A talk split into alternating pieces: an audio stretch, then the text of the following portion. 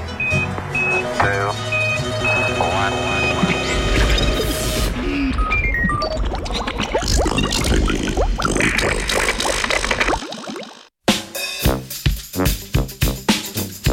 Komercializacija globoko, globokomorskega dna.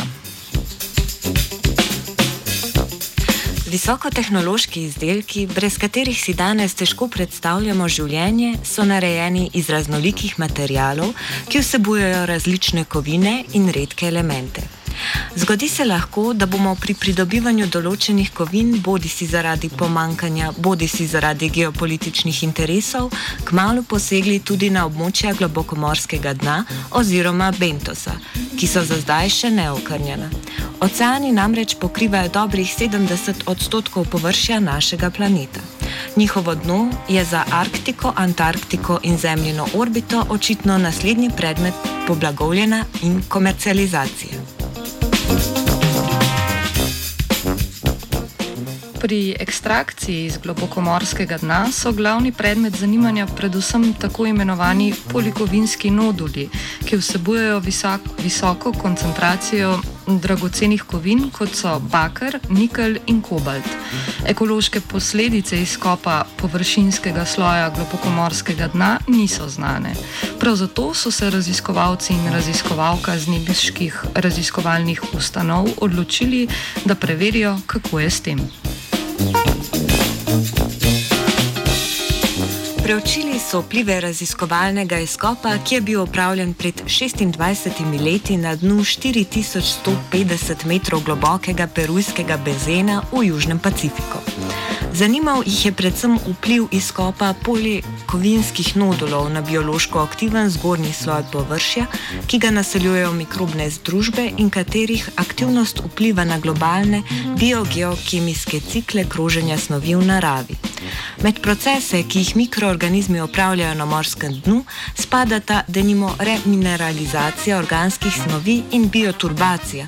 Z njimi pa spreminjajo sestavo sedimentov in tako omogočajo dostopnost snovi za rast drugih organizmov. Raziskovalna skupina je primerjala vzorce morskega dna z treh različnih mest. Z mesta 26 let starega izkopa, s pet tednov starih sledi bentoških sank, instrumenta, s katerim so povzročili morsko dno, in nedotaknjenega morskega dna. Rezultati so bili presenetljivi. Pokazali so, da se sestava mikrobnih združb z posameznih mest ni pretirano razlikovala, saj so v vseh vzorcih prevladovale bakterije in skupine klorofleksi. Po drugi strani pa so odkrili razlike v aktivnosti bakterij med izkopa, izkopanimi in neokrnjenimi območji. Na območjih izkopa je bila encimska aktivnost mikroorganizmov opazno zmanjšana, zaradi česar je bila njihova rast reducirana za do 45 odstotkov, posledično pa tudi njihovo število. Na izkopanih območjih je bil zmanjšan tudi proces mikrobne nitrifikacije organske snovi, ki prispeva k kroženju dušika v biogeokemijskih ciklih. Po 26 letih tudi ni bilo opaznih sprememb v sedimentaciji, saj so še vedno vidne brazde izkopa. Neokrevanje ekosistema nakazuje na to, da bi lahko do doseganja prejšnjega števila mikrobov in obnovitve njihovih funkcij prišlo šele čez več sto let. Ker bo komercialno rudarjenje polikovinskih nodulov potekalo na ogromnih območjih oceanskega dna, bo tudi izguba biogeokemijskih funkcij mikrobov toliko večja, sorazmeren pa bo tudi vpliv na lokalni ekosistem. Kakšen vpliv bo imelo rudarjenje na biogeokemijske cikle našega planeta in kako bodo ti učinkovali na obstoječe oblike življenja, pa bo očitno pokazal čas.